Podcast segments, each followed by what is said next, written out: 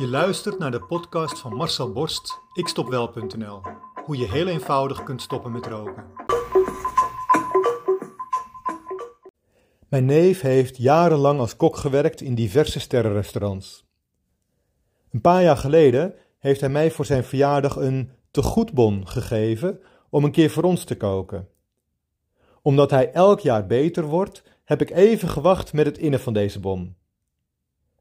Een man gaat naar een Michelin 2 sterren restaurant.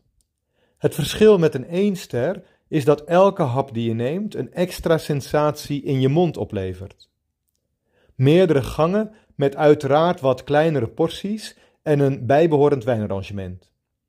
De bediening is ook top. Een eigen ober aan tafel zorgt ervoor dat niets aan de eetervaring ontbreekt. De sfeer in het restaurant is uitstekend. De man wordt helemaal in de watten gelegd. Aan het einde van de avond betaalt hij de rekening, gaat naar huis en stopt zijn vinger in de keel. Een dag later meldt de man zich weer bij het restaurant. Achteraf had hij toch niet zo genoten als hij vooraf had gedacht. Hij was ook met honger naar bed gegaan. Niet elke hap was die extra sensatie in de mond, zoals op internet stond. Kortom, hij was ontevreden en eiste zijn geld terug. Wat zou jij doen als jij de kok was? De man terugbetalen, zodat hij gratis heeft gegeten, of deze meneer uitnodigen om nog een keer langs te komen op kosten van de zaak? Wat zou jij doen als je even door had gevraagd en de man je toen had verteld dat hij thuis zelf zijn vinger in zijn keel had gedaan? Ik kies meestal voor de tweede keuze. Want ik weet dat hij lekker heeft gegeten en een ervaring heeft gehad die hij normaal gesproken niet zou hebben gekregen. Dat hij daarna alles teniet doet door de vinger in zijn keel te stoppen, betekent niet dat hij bij mij automatisch zijn geld terugkrijgt, toch? Ik moest hier aan denken toen ik vanochtend een e-mail ontving van een dame die haar geld terugvraagt omdat ze na het online programma nu weer rookt. Ik vraag haar dus eerst even: hoe is het gegaan?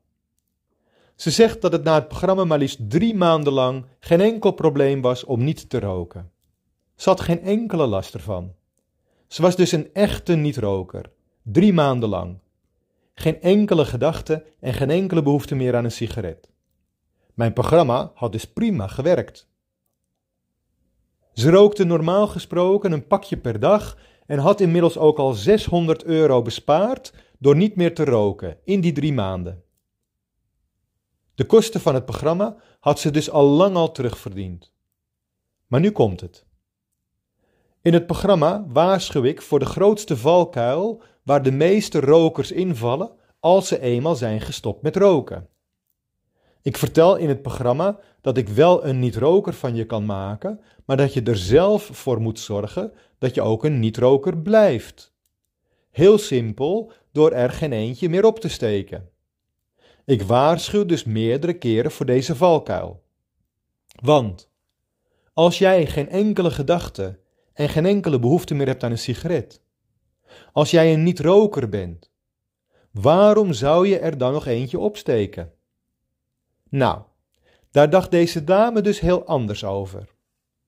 Na drie maanden zei haar vriendje: Neem even een gezellig sigaretje met mij terwijl ze wist dat haar rookgedrag dan weer volledig terug zou komen, terwijl ze wist dat haar onbewuste daarna direct die gedachte en die behoefte aan een sigaret weer zou oproepen, terwijl ze wist dat als ze het niet zou doen, ze een niet-roker zou blijven de rest van haar leven. Terwijl ze dat allemaal wist, nam ze toch die ene sigaret. En inderdaad, mijn voorspelling kwam uit. De dag erna rookte ze weer volop een pakje per dag. Toen ik vroeg: had je op dat moment ook nee kunnen zeggen? Of had je echt een enorme behoefte om te roken? Antwoordde ze dat ze echt helemaal geen enkele behoefte voelde, maar het gewoon deed voor de gezelligheid. Juist.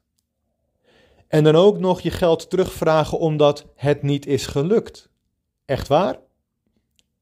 Ik heb haar net als die kok in het restaurant aangeboden het programma nog een keer te doen, omdat het bij haar zo goed heeft gewerkt.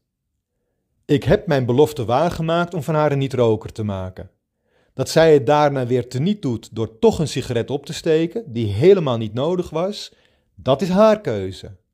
Op dat moment kiest zij er bewust voor om weer een roker te zijn. Toch? Mijn advies als je bent gestopt met roken, hoe lang je ook al gestopt bent, hoe gemakkelijk of hoe moeilijk het ook voor je is. Een niet-roker rookt niet.